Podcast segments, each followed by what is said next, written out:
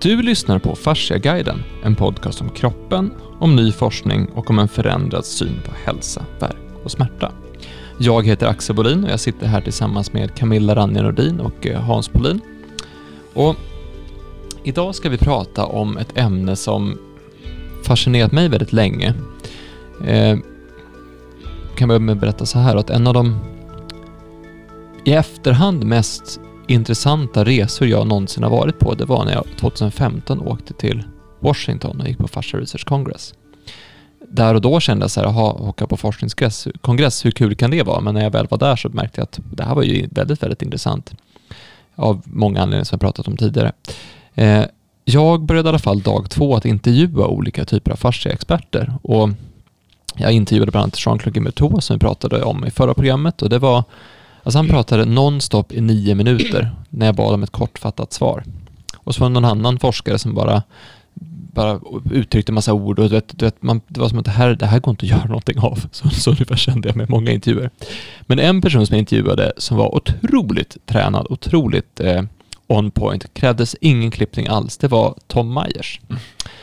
Tom Myers, han är en sån här fasciapionjär, han har skrivit en bok som heter Anatomy Train som är väldigt känd. Ett, ett enkelt sätt att strukturera hur kroppens rörelse fungerar och hur man kan konvertera det till behandling. Så hans fascialinjer är kända över hela, hela världen inom manuella kretsar. Men det som han sa var hans stora drivkraft i den intervjun, det var hur gör man kroppen intressant för en hel generation som är så digitala? Mm.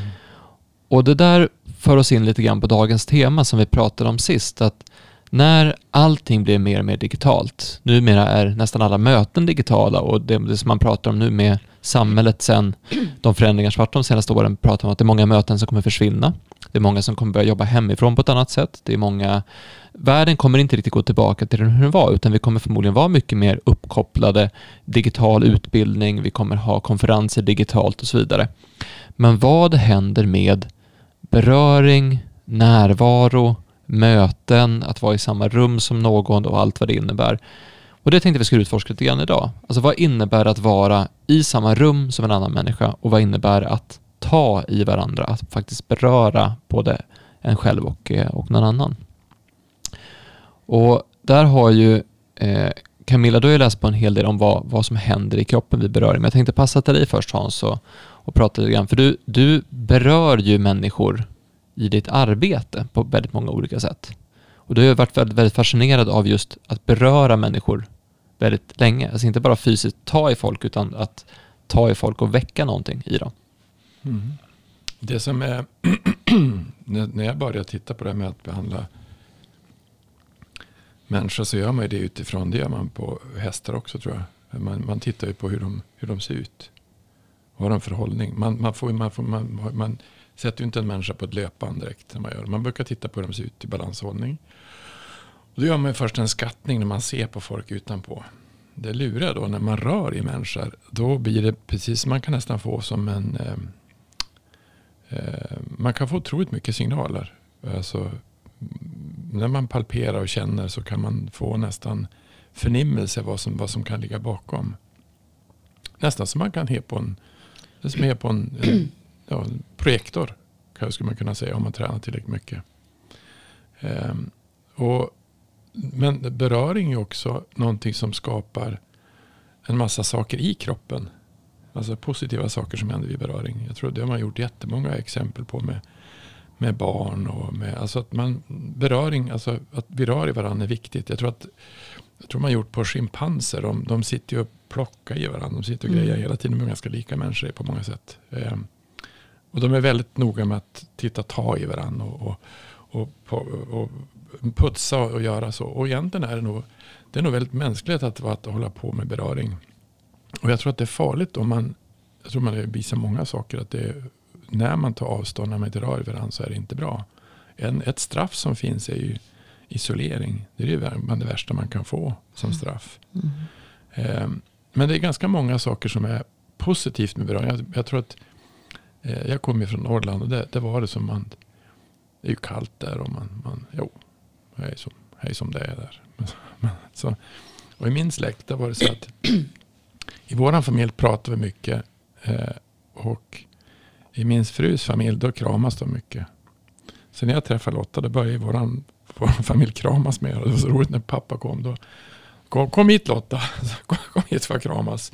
Så egentligen, jag tror att det är otroligt mycket viktigare än vad man tror med just beröring. Och hur mycket, hur mycket av vårt, hela människans system är sensorer och saker och ting vi måste förnimma och känna. Jag tror att Nobelpriset i medicin 2021 handlade egentligen om receptorer, hur man kan känna olika saker och hur viktigt det är. Så man, eh, jag tror att beröring är viktigt och det är också ett sätt att när man går på manuell behandling att få att, att det är ett, vi är ett instrument som skickar ut saker både fysiskt innan vi kommer in och när vi berör varandra. Mm. Och det tror jag man kan känna samma sak på djur. Tror inte det är inte samma sak. Djuren berör ju varandra väldigt mycket. mycket. Sen eh, om man tänker som med hästar. Vi isolerar dem ju. De, går, de, de går ju separata i, i, oftast i, ensamma i varsin hage. Men i vilt tillstånd? De, de, de, nej, det är flockdjur. De, de står och, och, och kliar på varandra jämt. Mm. Och det, de har en rangordning och den är väldigt tydlig. De behöver inte bråka. De viftar med ett ben, de viftar med ett öra, mm. viftar med, med huvudet. Alltså mm. det, de har signaler. Eh, men de står ju väldigt ofta och, och kliar på varandra. Och, mm. Svans vid huvudet så att säga. Och hjälper varandra och viftar flugor. Och, de har ju hela tiden en, en, en kontakt. Mm. Det, det vill ju de också. Det är ju samma sak med hundar. Och, så alla djur som är till och med katterna ligger ju tillsammans. Fast man säger att de är solitära så att säga. Mm. Kattdjur. De enda sociala kattdjur som är, är väl lejon. Som, som är, lever i familj så att säga. Men annars är de ju. Men, men eh, jag vet inte hur tigrar och så. Men, men alltså, de flesta katterna våra är ju så domesticerade. Så de kan ju säkert också ha ändrat sig och blivit mer sociala. För att, Domesticerade, vad betyder det? Från ja, så att de är med, med genom människans urval så att säga. Genom eh, generationer tillbaka så har vi valt ut de djuren som passar oss bäst till vårat, vårat behov så att säga. Och vi har ju då valt bort de som är, har det mycket vilt kvar. Som alltså har eh, lätt till aggressivitet, lätt till flykt, lätt till, till liksom, vi, vi har ju valt de som vill vara mm. nära oss. Mm. För vi vill, det är ju så vi vill ha våra husdjur. Vi, vi vill ju ha dem nära oss. De ska ju vara sociala mm. med oss. Det är, ju därför det heter ju sällskapsdjur. Alltså, vi, har ju behovet av att mm. kela och, och, och krama och ha djuren nära oss. Så att vi väljer bort de som inte vill vara med oss. Och mm. som så att säga visar aggressivitet. Eller, eller någon slags motvilja så att säga. Som inte är så kontaktbara. De, de, och det med, med generationer tillbaka med åren. Och, så långt, långt tillbaka i tiden. Man säger ju att hunden började vi domesticera för är det 12 000 år sedan. Det är långt, långt tillbaka. Så när, när vi började ta de första eh, valparna från...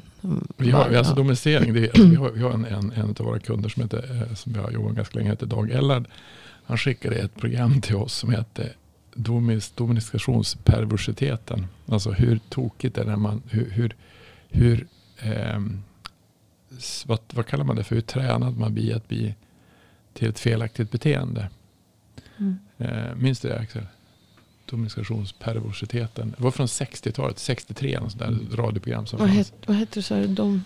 Alltså domesticering, alltså tamdjurs... Det, han, det handlade om domesticering. domesticering fast, alltså, men, men hur perverst det var. Mm. Alltså om vi säger att om vi, om vi, alltså, det man gör med barn, eller varför är det så viktigt med beröring att, och hur, hur mycket det berör. Men barn vill ju få kramar. Man vill ju bli berörd. Mm. Eller hur? Jag tänkte ja, men egentligen hur, hur, vilka, vilka typer av vilka typer av beteende man tränar in som kanske inte är så jättenaturliga. En typisk sån sak är till exempel att ljuga. Eh, mm. Det, är inte, det vet ju alla att ljuga inte är bra. Ändå så ljuger vi för barn och vi lär barn att ljuga och mm. barn kan inte ljuga. Men, men apropå beröring så tycker jag det är intressant för jag har ju, nu har jag både en, en bebis och en hund hemma. Mm. Eh, och beröring ligger ganska nära närhet, alltså närhet som, och vi märkte ju väldigt tidigt att, att vår dotter behöver ligga nära oss för att få ro och kunna sova. Mm. Och alltså då pratar vi nära som i Mm, precis bredvid. Eh, och vi har ju, vi gjorde tidigt ett val som vissa väljer att göra så, vissa väljer att inte göra så, men vi valde att eh, ja, men hunden är välkommen i sängen. Mm. Eh, och det var framförallt därför jag pratade med dig Camilla som sa att eh, människor mår bra av att ha djur i sängen. och så sa jag, okej okay, det får bli så då. Och det är någonting speciellt som händer i sängen när vi ligger där alla fyra och eh, vilar tillsammans. Det blir en speciell typ av, av eh, stämning någonstans.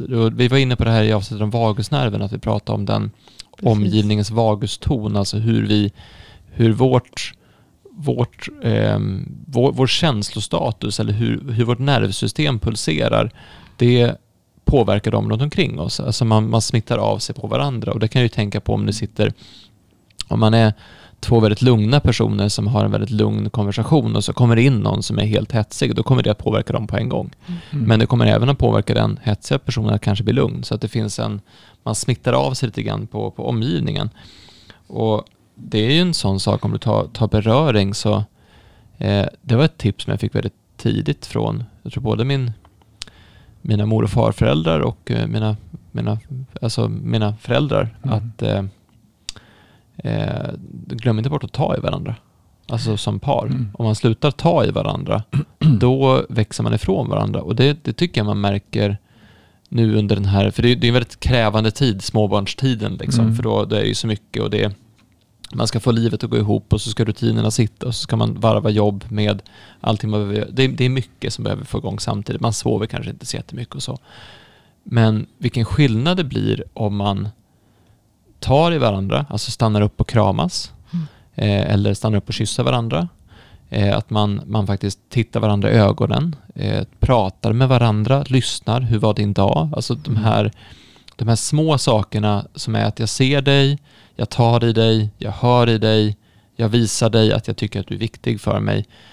Vilken, vilken vändning det blir i, i eh, relationen och samspelet sinsemellan. För om man inte tar i varandra på, på några dagar eller liksom inte, inte uppmärksammar varandra på en dag, då kan man lätt liksom nästan sula till lite grann på varandra. Mm. Alltså hur, hur tajt samspelet är mellan, mellan att ta i varandra, att vara nära varandra och hur man faktiskt tycker om varandra. Mm. Och det var de som, det var någon som du berättade om Hans för jättelänge sedan, jag vet inte om du kommer ihåg den metaforen, men det var en, en man som hade, eh, det kanske inte var du som sa det, men de var nära på att skiljas och jag tror han var dessutom otrogen. Och sen så skadade hon sig och på ett sånt sätt att han inte kunde gå. Och då bar han henne ner för trappan varje dag. Ehm, och hon var skadad under en viss period och så vidare. Men att han bar henne ner för trappan varje dag i en månad eller någonting, det tände helt nytt liv i deras relation. Mm. Då plötsligt såg de varandra, de kände Mm. varandra, de, Mm. De, eh, de hittade ett nytt sätt att leva ihop. Och då, då glömdes det gamla bort och så sen så vart det, då hittade de tillbaka till varandra liksom, och förlät varandra och så vidare. Eh, just hur, hur, hur mycket vi påverkas av att vi tar i varandra. Mm. Det är väl inte så konstigt då att, att det sker enormt många skilsmässor.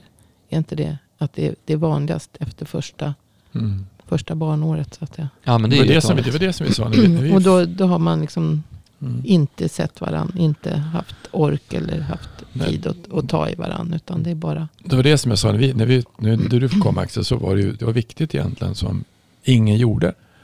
Utan man fick ta reda på själv. Hur lever man? Hur får man ihop livet när man är tre? Hur hittar man relation? Hur hittar man tillbaka? Eller hittar man nytt? För det blir ganska mycket fokus på en person som inte var det innan. Eh, Men jag tror att det, det, som är, det som är det här med beröring och hur viktigt det är med att, att, att vi är sociala varelser. Eh, Det är inte bara, det är det som är från fascia perspektiv. Så vi, det berör, alltså beröring och känslor berör ju hela kroppen. Mm. Alltså hela kroppen. Så att när vi får, jag tror att man har gjort jättemånga faktiskt studier på det. Både, både biologiska studier och psykiska studier. Vad händer när du får, inte får beröring? Och hur perverst det är att säga att Alltså förstår ni vad tokigt det är att vi inte ska röra varandra? Att vi inte ska, om vi säger att hålla avstånd som en del säger att man ska göra som rekommendationer. Är det bra för immunförsvaret? Det är det ju inte. Nej, det är det inte. Det är faktiskt inte bra. Är det bra för mig som person? Nej, det är inte heller bra. Och då, då kan man ju se det som man har fått efter mycket när vi har haft de här, vi har inte haft så mycket i Sverige, men utomlands, det är att man har fått, när man har haft nedstängningar och de inte får träffa varandra. Det är ju enormt många som mår dåligt. Alltså självmordsfrekvensen går upp. Det är många som mår psykiskt dåligt av det. Och det förstår man vilken enorm påverkan det har på hela kroppen. Att inte få beröring. Sa inte du Camilla? Det kramas, det kramas för lite. Ja, nej men jag, alltså, jag, jag är ju en väldigt kramig person. Har alltid kramat så fort jag träffar någon som inte jag har. Även om jag har sett den igår så kramas jag så jämt när vi träffas. Men de sista två åren så är det ingen som vill kramas längre. Du blir rädd. så jag får inte kramas så mycket. Mer än några få personer då.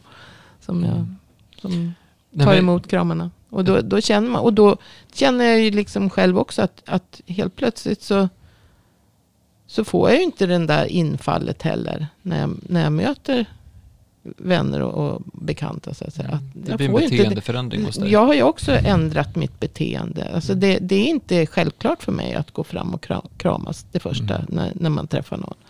Nej, utan, utan, här... utan, och, och det, mm. ja, men alltså jag glömmer bort det. Så att säga. Det, det är inte... Förut var det bara, det, det bara kom.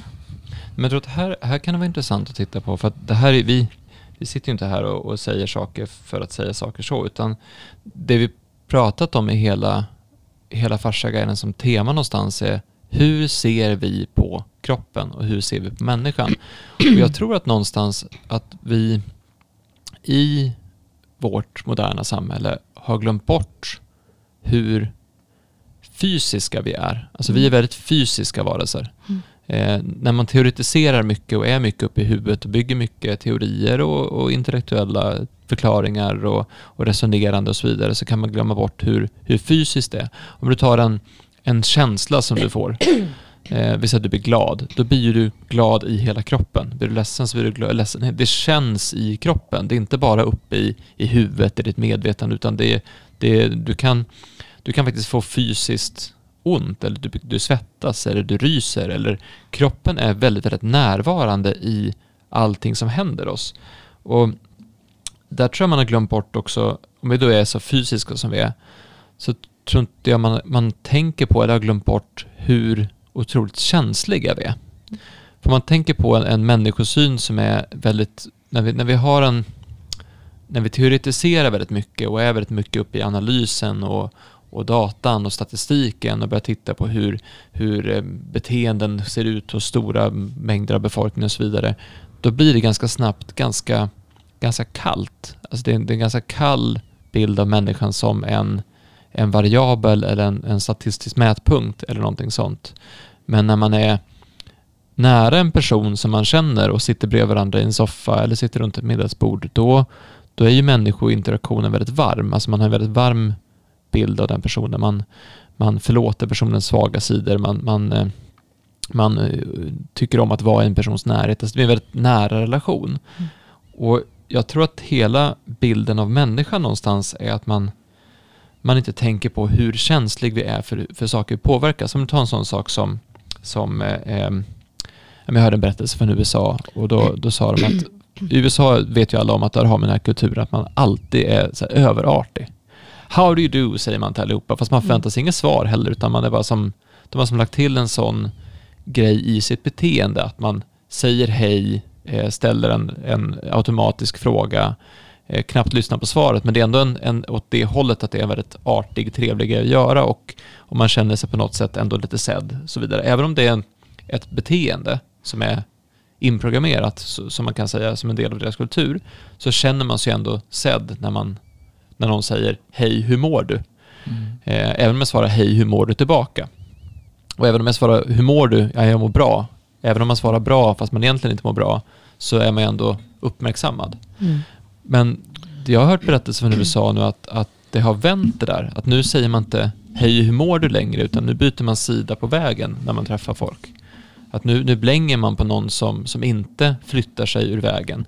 Och då är det ett, ett ett beteende som har förändrats som jag tror är mycket mer allvarligt än man kanske tror. Att det inte bara okej vi, ska, vi ska vara försiktiga nu så att vi inte, så att vi inte eh, smittar varandra, utan det är kanske snarare så att nu ser vi andra människor som farliga. Mm. Och även om det, det teoretiskt sett och, och logiskt sett kanske finns en förklaring till det här, så hur vi upplever det och vad som händer i vår upplevelse av det kan vara ganska allvarligt.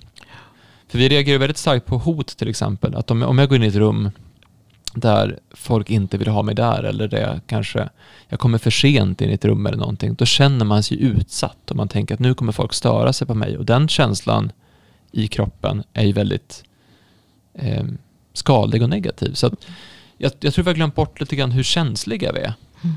För vi påverkas väldigt mycket Camilla. Ja, vi påverkas enormt mycket utav... Vi pratade ju om det förra gången, just att, att ta i hur det påverkar hela...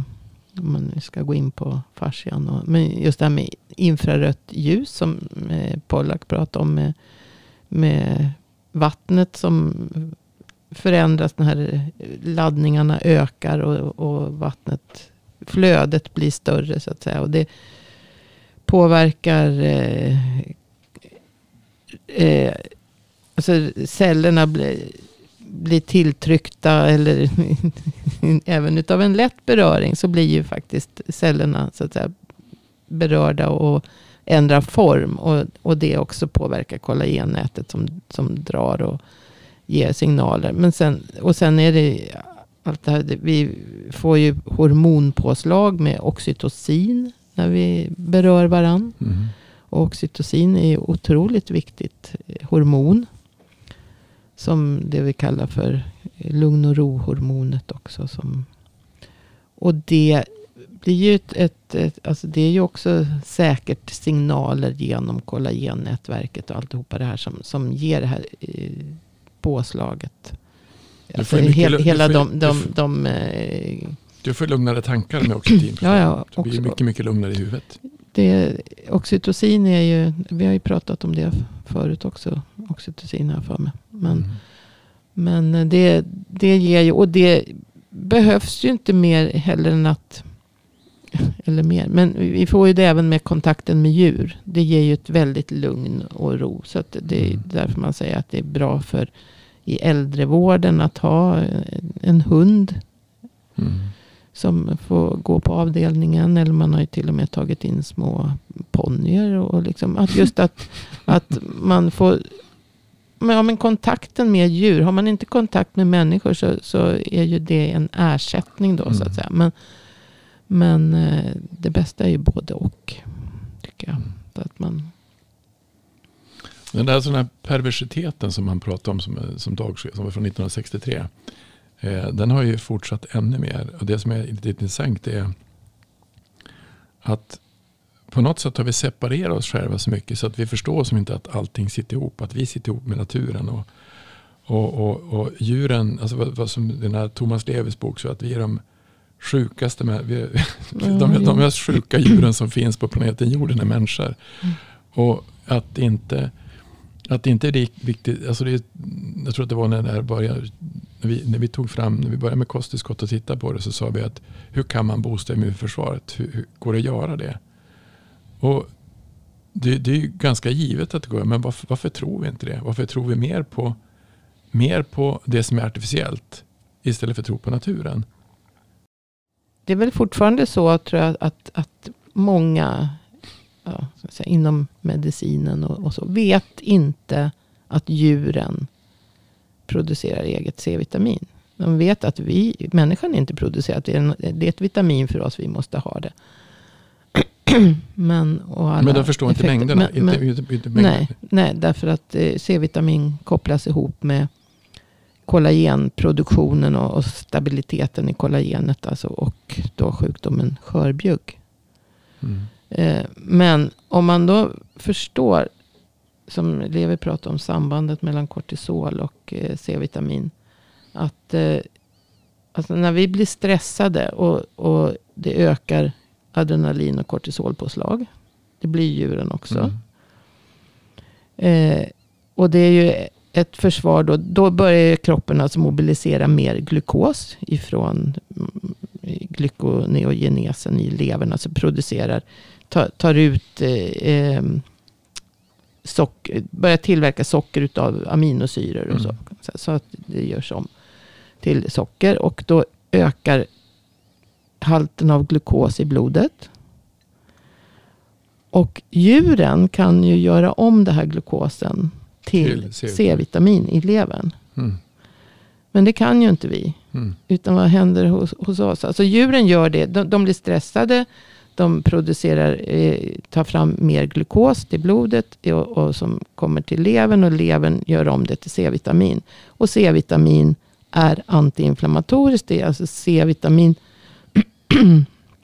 som löser upp den oxidativa stressen. Så att säga. Och som häver inflammationen. Mm. Eh, som han eh, säger då. Och, och sen kortisol har den uppgiften att det hjälper cellerna att ta in C-vitamin. Mm. Så att man, om vi då som inte har, har något C, om vi har C-vitaminbrist, vilket de allra flesta människor har, som alltså inte är medvetna om det här. Eh, och som inte är medvetna om att man måste äta så stora mängder och som, att man måste äta det utspritt under dagen. Inte bara en dos per Mm. dag. Därför att det ska ju likna djurens egen produktion. Mm. Om man säger, de producerar ju C-vitamin hela tiden när de behöver. Mm. När de blir stressade, då ökar ju kortisol, adrenalin, alltså ökar blodglukos. Alltså ökar omvandlingen till C-vitamin. Och kortisolet hjälper C-vitaminet att komma in i cellerna där det ska vara. Mm. Så att inflammationen, så att säga, den oxidativa stressen för, försvinner. Därför att C-vitamin är en sån effektiv antioxidant. Sen är det ju då, C-vitamin förbättrar ju för glutation och, och andra antioxidanter. Och, så att de, det är inte bara, de hjälps ju åt. Men hela den här processen är ju, liksom, det är ju så, det är så logiskt när man tänker på djuren. Mm. Att liksom den ökade kortisolproduktionen tar med, det blir mer glukos. Och, och sen blir det C-vitamin. Så, så djuren är ju inte stressade på det viset som vi. Vi går ju omkring och är stressade. Och vi löser ju liksom inte upp det. Utan vad som händer ho- hos oss. Det är att vi, vi får ju ständigt höga kortisolnivåer och höga blodglukoshalter. Som vi blir sjuka utav. Mm. Vi får alltså, diabetes typ 2 och fetma, massa andra problem på grund av de höga glukoshalterna. Och C-vitaminet eh, hj- hjälper ju också samarbete med insulin också. Så att alltså, C-vitamin gör att det blir mer insulin som hjälper till att få in socker i, i cellerna sen också. Jag hade en kvinna som Så kom. att, så att det är liksom så mycket som man- säger, ja men det är helt logiskt, djuren fungerar så här, men, men vi fungerar inte så. Och det är Nej, klart, då så, måste vi... så, då blir det ju så. Jag hade en kvinna som kom till mig. Hon hade, hon hade varit med om något, hon hade något, fått någon virussjukdom och fått en massa problem efter det. En massa nervfel som var. Och då, då satt jag och tittade på henne och sa, men du, hur mådde du egentligen när du var sjuk? Hon mådde ju inget bra. Hon var ju utbränd nästan. Så om det blir ut, alltså, då ser man, alltså utbrändhet, det kan ju bero på, det är ju då har man ju stressat något så in i helskotta så är inte sant. Både utifrån och inifrån. Men vad får du då för påverkan på vad får du för påverkan på då har du ju egentligen utbrändhet. Då har du kroniskt för lite C, för kroniskt svagt immunförsvar och kroniskt för lite C-vitamin. Mm. Eller hur? Det kan man nog räkna med att de allra flesta har. Så då blir det ju så att de, det vi ser nu med de andel alltså psykiskt sjuka som finns, de som mår dåligt. Det är ju både tankar som kommer in, alltså, tan- alltså det som rädslan som finns. Men också brist på, på, på mineraler och vitaminer. Mm. Eller hur? Om jag ska äta mycket C-vitamin kanske jag inte gick lika fort ut för. Nej. Eller bra men alltså, om, om man tänker alltså att vi, vi kanske klarar oss på relativt låga nivåer C-vitamin. När det inte Eh, brakar om, iväg. om allting runt omkring oss är, är eh, alltså vi utsätts inte för några gifter. Vi utsätts inte för en massa onödig st- eh, mental stress. Ja, det är inte så här bara ta lite C-vitamin så blir allting bra, utan Nej. det är ju i så fall man måste ta mycket C-vitamin. Nej, men eh, det, det är ju också så att vi behöver ju fundera på hur vi lever. Alltså vad vi gör för någonting. Det är inte som att bara, ja men bara, jag, nu, nu, jag, eh, nu ska jag äta 15 gram C-vitamin per dag bara för att jag ska klara av att stressa så mycket som jag gör. Det, det, det har man liksom tänkt lite tokigt. Eller nu ska jag gå på behandling eh, var fjärde vecka så att jag kan fortsätta eh, jobba på det sätt som jag gör och så vidare. Utan man kanske ska fundera på Ska man göra så här? Ska man stressa? Ska man jobba? Ska man gå runt och vara rädd? Eller ska man gå runt och, och må dåligt? Eller ska man... Alltså det, det, det, någonstans är ju...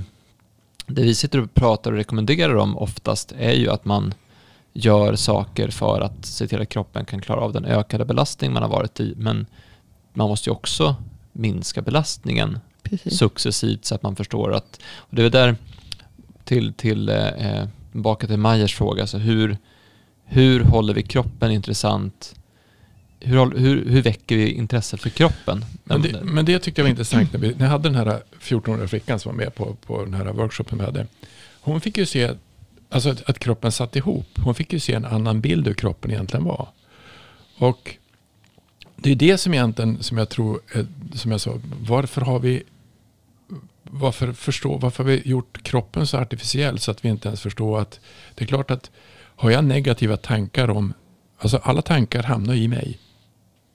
Blir, och om vi säger att om, om, om, om när, vi, när vi rör i någon med, alltså som Gimbertov visar, att man kan, alltså när vi rör i någonting i fascian då förändras till och med cellerna, allting förändras. Om vi, om vi, vi blir jätterädda eller vi, blir jätte, vi hela tiden har tankar som gör att vi inte tycker att vi duger. Till slut blir det jättejobbigt för fascian, det är jättejobbigt i kroppen, eller hur? Mm.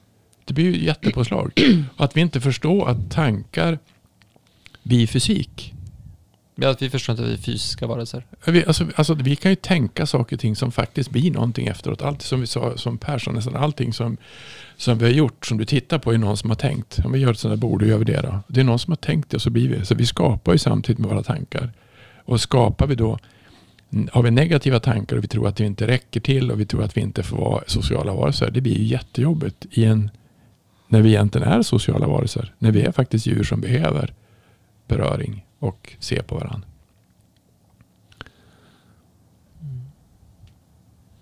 Men jag tror att en utmaning i, i det här är att ja, men först och främst kanske är medveten om sin kropp men sen också medveten om vad, vad man gör. För jag tog ett, ett exempel som på det här med, med eh, det digitala. För jag tycker det är väldigt spännande det här med det digitala. Alltså hur ett digitalt möte är mycket mer, man blir mycket mer trött efter ett digitalt möte än efter ett fysiskt möte. Eh, och man blir, det ena biten. Och det andra är att de digitala mötena är oftast mycket mer eh, fokuserade eller koncentrerade. Det blir en annan, eh, om man har en digital workshop till exempel så blir det mer intensivt. Det går liksom fortare på ett sätt. För att man missar någonstans det här med att, att ta in allt, allt runt omkring. Eller man, man fokuserar kanske bara på, det är det att man kanske bara fokuserar på en aspekt. Alltså om du tänker vår kommunikation nu, nu sitter vi här, du och jag. Så har vi en, eh, eller vi tre, vi har en verbal kommunikation, det vi säger med våra ord. Och sen har vi det som är tonläget och satsen och hur man, hur man säger saker. Om man säger saker lite glatt eller om man säger saker lite deppigt sådär. Så får du olika typer av stämning och så vidare. Men sen sitter jag också och rör mina armar nu för att visa vad jag försöker säga så att kroppsspråket kommer in i den här bilden också. Mm. Och det kanske man kan se på en kamera, men inte hela. Sen så är det ju att, att um, hur jag tittar mina ögon och hur jag upplever saker. Och, och sen är det också min utstrålning. Alltså vad, vad utstrålar jag för typ av, av känsla? Och där någonstans så brister det. Mm. Och det är som man tar, om du har någon med riktigt, riktigt bra karisma så ser jag inte alltid det på, på tv till exempel. Utan om du träffar personen privat så är det så oj shit vilken utstrålning personen hade.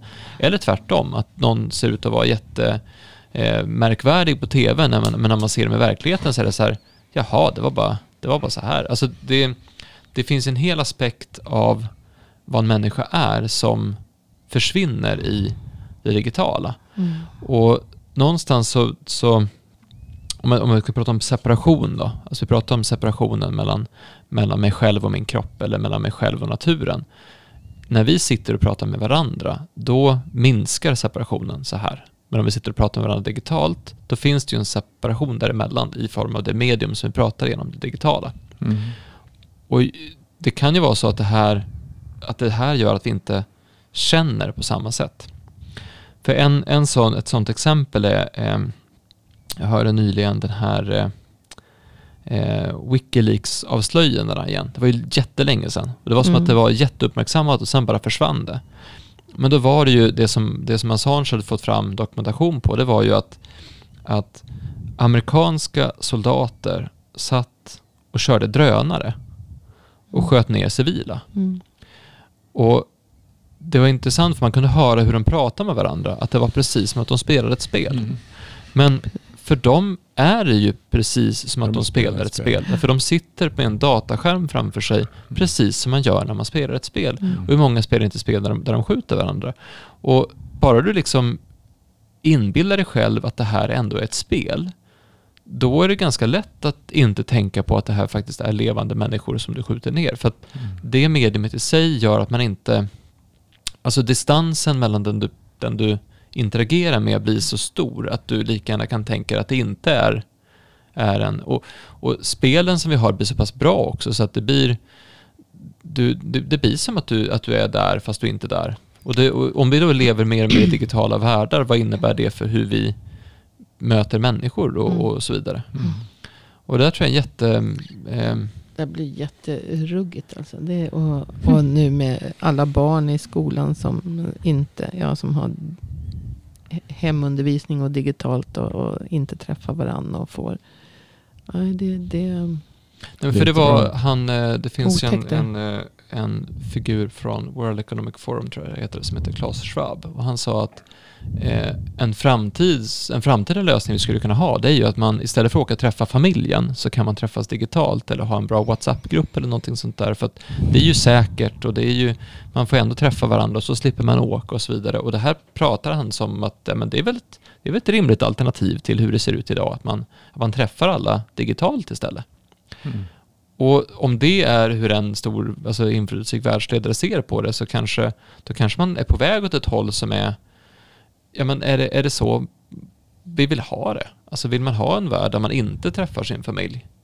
Mm. Jag tänker på min, eh, min frus kultur, då träffas man ju ta med tusan hela tiden. Mm. Det, det ju, alla ska ju ses hela tiden. Och man, och man, det är inte alltid man sitter och gör någonting här, utan Nej. man bara är i samma rum. Mm. Det, det är liksom det som är grejen. Nej, men jag tror att det som är eh, det som man, jag, jag har ju varit med om det, för du har inte varit med om det men vi har varit med om kalla kriget. Eh, vi har varit med om hot om kärnvapen. Vi har varit med om oljekris en gång, eller hur? Var någon annan Ja. gång. Att det ska, Mm. allting att, när, jag var, när jag var 73 så, tror jag att jag aldrig skulle få köra en bil. När du var 73? Nej, alltså 1973. Ja. Då tror jag aldrig skulle få köra en bil. 1973. Och då var jag 11 år gammal. Eh, men, Varför trodde du inte det? Nej, men det var oljekris. Det skulle ju ta slut olja. Och det, var ju, det är ju ganska länge sedan. Eh, den här, eh, och sen så efter det så kom ju, först så kom kärnvapen, kriget, alltså var rädd för det. Och sen så kom muren sen föll den. Och så var det frid och fröjd i ett och ett halvt år. Sen kom Kuwaitkriget. Och då var man livrädd för att Israel skulle gå med i det med skuddmissilerna som gick ifrån Iran, eh, eh, Irak, Iran, Irak. Eh, att Israel skulle gå med i det. Och då var det inte så. Sen fick vi fastighetskris. Då var vi livrädda i en massa år till. Och så kom det ett uppsving. Och så kom det, eh, kriget mot terror. Och nu har vi kriget mot... Nu är vi rädda för varann och rädda för ett virus. Det är ganska otäckt vad man, vad man hittar. och nu är det nya krigshot. nu är det nya krigshot. Mm. Så att det är ganska intressant hur mycket rädsla man kan bygga upp kollektivt som finns. Och hur fort den där branden kan släckas genom, genom empati och omtanke.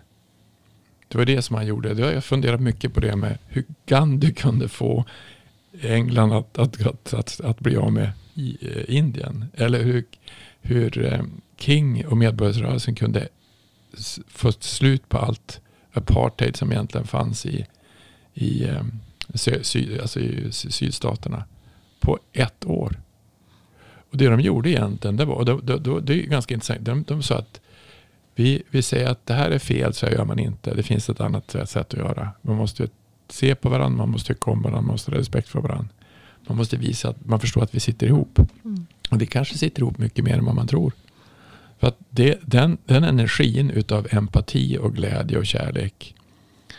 Det är ju den vi, det är den vi vill, alla vill ha. Alla vill bli, alla vill bli älskade. Alla vill bli berörda. Alla vill bli sedda. Du, du lyssnar inte på mig. Alla vill bli hörda. Det är egentligen det vi önskar. Och det som egentligen alla har haft. Alltså det, det roliga när man behandlar barn, när man behandlar människor så är det ofta så att till slut som man ska förlåta det som, alla, som, man, som man har gjort mot sig själv. Så hamnar man till slut och så säger man att man är ett litet barn. Som, åh, alltså, Mm, jo. När man ser sig själv som en, kanske en tvååring, en treåring. När man, när man ser hur mycket man, hur naturligt man älskar och uppskattar sin omgivning. Och det som jag sagt förut, alltså barn som är, jag tror att det är under fyra år kan inte ljuga. De kan inte ljuga. Mm. Och, och då förstår man vilket, vilken enorm kraft det finns i, i människor. Vilken, kraft, vilken enorm kraft det finns i, i att inte vara rädd. Och att, för att förstå att det finns mycket gott i alla människor.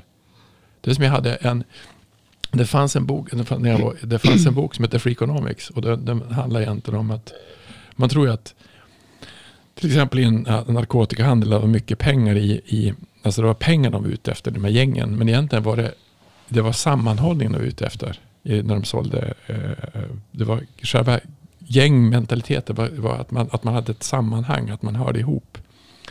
Eh, och så visade de också att, alltså det var en helt annan förklaring än man trodde. De visade att, att eh, det var en kille som berättade om i Freakonom. Han, hade, han, han, han tyckte det var så roligt på sitt arbetsplats att han, att han delade alltid ut sådana här donuts på fredagar. Då åkte han och köpte bröd.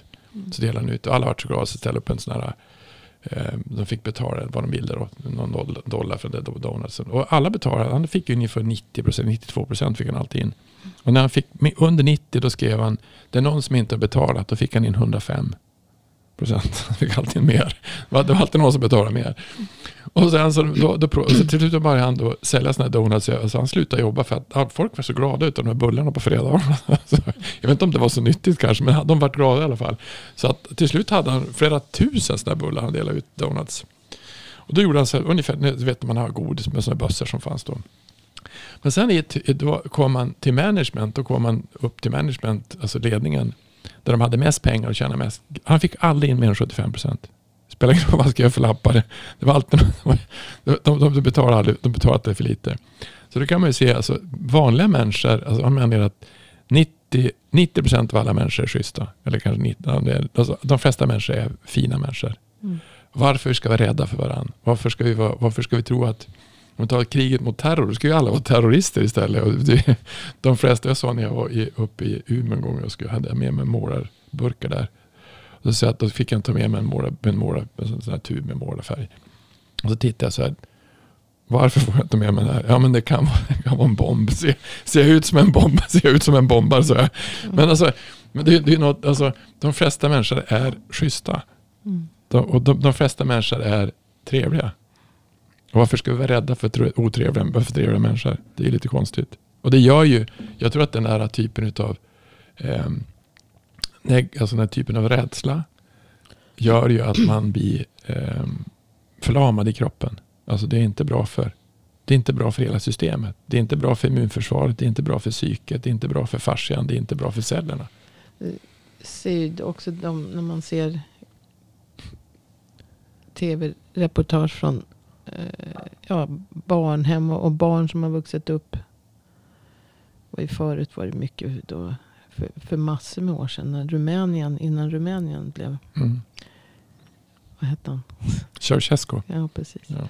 När barnhemmen, när, när barnen, de hade ju ingen som helst kontakt. De bara förvarades. Mm. de blev ju helt apatiska. Och, och det, det är klart. Jag tänkte på det när du sa att ni sover i samma säng. Ja, det, det gjorde eh, våra grabbar. Har de har aldrig haft någon egen säng. För, så jag vet inte hur gamla de var när de började sova i egen säng. Och jag kom, kom bara att tänka på det för att jag hade en god vän som var psykolog. Och när jag sa till henne att grabbarna sover i våran säng. Då tittade hon på mig, stirrade hon och så sa hon. Ja, det är den svenska gränslösheten. och jag bara tittade på henne och blev liksom. Okej, du ska vara psykolog. Men ja. Ja, men det, det är intressant med det är intressant med barn och med djur. För det, man får såna, om, man, om man är uppmärksam så får man ganska intressanta signaler från dem. Alltså en sån sak som är att när vi har varit ute och gått, jag och hunden, så kommer vi in och så sen så tar jag av mig och hänger upp mig och så vidare. Och sen så står han kvar och väntar. Och så tar jag, med hans, tar jag av honom kopplet för att bära honom till badkaret för vi måste skölja av hans fötter. Framförallt så här, så här års. Nu när det snöar är det bättre men när det inte snöar så är han så fruktansvärt skitig om sina tassar. Så att man måste liksom, ja, så man måste stå liksom så. Men då, när jag då lyfter upp honom för att bära honom till badkaret, han hatar badkaret by the way. Alltså han tycker det här är fruktansvärt. På vägen så vänder han sig alltid om och så slickar han hela mitt ansikte re- rent. Liksom. Mm. Och då tänker jag så här, hmm, gör han det här för att undvika badkaret? Jag tror det. Fast, fast det vet tusan för att han, han kommer ju alltid till badkaret. Det har aldrig hänt någonting annat. Men sen så tänker jag på hur han... Det känns ibland som att han slickar mig i ansiktet mer för sin skull än för min skull. Mm. För det är ju ett sätt för honom att, att uttrycka närhet. Mm. Och han, vår hund är också väldigt mycket att han vill ha uppmärksamhet precis hela tiden. Men det är intressant att se hur, hur närhet någonstans är en så central grej. Att det ska vara, nu måste vi vara nära här. Och så det, det finns en naturlig instinkt till att jag vill ha närhet, jag vill ha beröring, jag vill pussas, jag vill slickas, jag vill liksom vara där ni är. Han kommer alltid också och går in i det rum, byter vi rum från köket till vardagsrummet, då, Mm. då hör man ungefär två minuter senare hur han bara trippar, börjar trippa efter oss liksom och lägger sig där. Ehm, den andra saken är min dotter då, för att hon är så snabb till skratt. Och man tänker på, alltså hon pendlar mellan att vara seriös och att skratta och vara jätteglad på bara sekunder. Mm. Och då tänker man ibland så här, men jag sa till, till min fru så här, du, vad tycker du är roligt? När skrattar vi senast? Mm. Och så sen så börjar vi titta på vilken humor tycker vi om och så vidare. Men, men just hur, hur viktigt det är att skratta. Och det är någonting som både hunden och nu eh, dottern har fått med sig, att vi, vi skrattar mer. Alltså man, är, man är lättsammare och glad. Man skrattar åt hur, hur tokigt det var de där gjorde Mm. eller, eller sådär. Men, men hur viktigt det är att, att skratta och hur, hur barnen har så, har så lätt till det och så snabbt till det och hur vi någonstans har lärt oss att inte skratta så mycket. Jag tror att, jag tror att man, man, har mätt hur mycket barn ler. På ett, och de är nästan inte de är, sover ju nästan hela tiden. Jag tror att barn ler 200 gånger på ett dygn. Det är helt vansinnigt. Alltså, varför gör inte vi det? Det är det som är, det är så häftigt om, man, om, man, om vi är det. Det var det som jag sa, vi är ju därifrån. All, alla har ju varit helt naturliga. Mm. Helt lita på, på, alltså lita på det som omgivning som finns. Lita på färg, lita på godhet, lita på saker som finns. Hur kan vi, hur kan vi bli så separerade? Nej, Men om man säger, alltså, egentligen så är ju berättelsen eller narrativet eller den, den grundläggande kärnidén som jag, tror- jag tror aldrig det var tanken att det skulle bli så, men, men vi pratade ju något i avsnitt två om, om den här vetenskapliga historien och, och Descartes Mm. och, och separationen mellan, mellan människan och kroppen och, och sinnet och kroppen och så vidare. Mm. Men jag tror att just nyckelbegreppet här är separation. Att separation är så starkt. För om du tar, tar den här berättelsen om, om vi har pratat om beröring, om, om separationen mellan oss. När vi, inte, när, vi Mm. rör, när vi rör varandra så är vi inte separerade. Då sitter, Då sitter vi ihop. Och separationen här leder till en motsats, alltså till en motpol. Man tänker människan mot naturen. Mm. Mm. Eh, och då är ju berättelsen någonstans att människan är eh, smartare än naturen. Det är också en berättelse vi har. Att det, är det vi har uppfunnit är det som är grejen, inte det som fanns eller det som är. Alltså vi, vi har uppfunnit medicinerna, vi har uppfunnit operationerna, vi har Mm. uppfunnit tekniken, vi har uppfunnit samhällena, vi har uppfunnit allt det digitala. Vi, vi, vi har uppfunnit det här och därför måste det vara bäst. Därför måste det vara mycket bättre än det som fanns, det som fanns innan oss. Eftersom att vi har satt oss i motsats till naturen.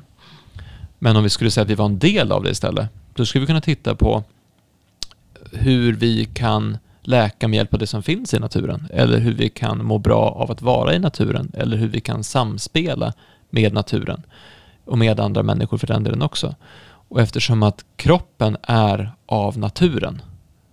Kroppen är inte någonting som, som människan har skapat på det sätt som vi har Nej. skapat allting annat. Det är inte, vi har inte byggt kroppen som vi bygger ett, en maskin. Vi har inte byggt kroppen som vi bygger ett hus. Vi har inte eh, testat fram, labbat fram kroppen som vi har gjort med, med en medicin till exempel. Utan kroppen den har vi fötts med. Den var här innan vi började mixtra med saker. Därför blir det intressant nu när man börjar mixtra med kroppar, för det är ju det man tittar på med, med genteknik, man börjar titta på med, med att man pratar om att man ska koppla ihop människan med artificiell intelligens, man pratar om att man ska bygga in chip under huden och man har pratat om att man ska göra olika saker. Och det som är spännande med det är att titta på all den forskning som har kommit de senaste tio åren. Vi vet ta med tusan ingenting om kroppen. Vi, vi vet alldeles för lite för att hålla på och veta vad vi ska mixtra med. Mm. Och, och, men idén kommer ju från separationen, att vi är så separerade från naturen. Mm. Och den är djupt indoktrinerad i oss, att vi tror att vi inte är samma sak som naturen. Att vi Mm. inte sitter ihop med naturen. Precis. Att vi ska styra över naturen. Vi ska styra allting. Om vi då slutar ta i varandra, Mm. Då separerar vi oss ännu mer från varandra. Och det är ju samma sak med vi slutar ta i varandra. Vi slutar... Eh, alltså folk... Eh, vi, ja, vi har inte kontakt med människor. Vi har inte kontakt med djur. Vi har inte kontakt med naturen. Om man inte går i naturen och ser träden och blommor och så. Då får man ingen känsla för det heller. Då, då skiter man i det. Ja, alltså om du inte Eh, tar och- i och saker, ta- och- är i och saker, så skiter samma du i sak det. med folk. Mm. Om du inte har någon närhet. Ja, Då då blir du känslokall. Då skiter du i. Ja. Mm. Så att det är ju lättare. Och det är samma sak med djur. Det, fin, eh, det finns ju folk som är väldigt elaka med djur. Mm. Och det är ju sådana som... Om De du har inte tar i din ingen- kropp, ingen om du inte tar din som- kropp, är i din kropp, känner din kropp, så skiter du i den. Mm. Och det är det som är poängen, att, att vi behöver närheten och beröringen för att bry oss om saker och vi behöver bry oss om saker för att ta hand om saker. Mm. Och där någonstans tror jag hela, hela den här berättelsen om människan är, har varit på väg åt fel håll, men det är också här det kan vändas. Mm. Att vi kan börja ta i varandra och bry oss om varandra. Och det tycker jag man har sett. Det börjar hända. Det är folk som kommer på behandling, vilket är ganska kul, och så är det det är den första beröring de har fått på flera år. Ja. det, det är jättespännande. Eller För, för det är det som också en sak som är ett problem idag, att vi är väldigt ensamma. Mm. Mm. Och vad gör ensamheten med hur vi mår? Nej, nej, men det är ju samma, samma sak. Det, Men det är inget vi, bra. vi, vi tappar känslan för varandra. Mm. Så ge någon en kram idag. Mm.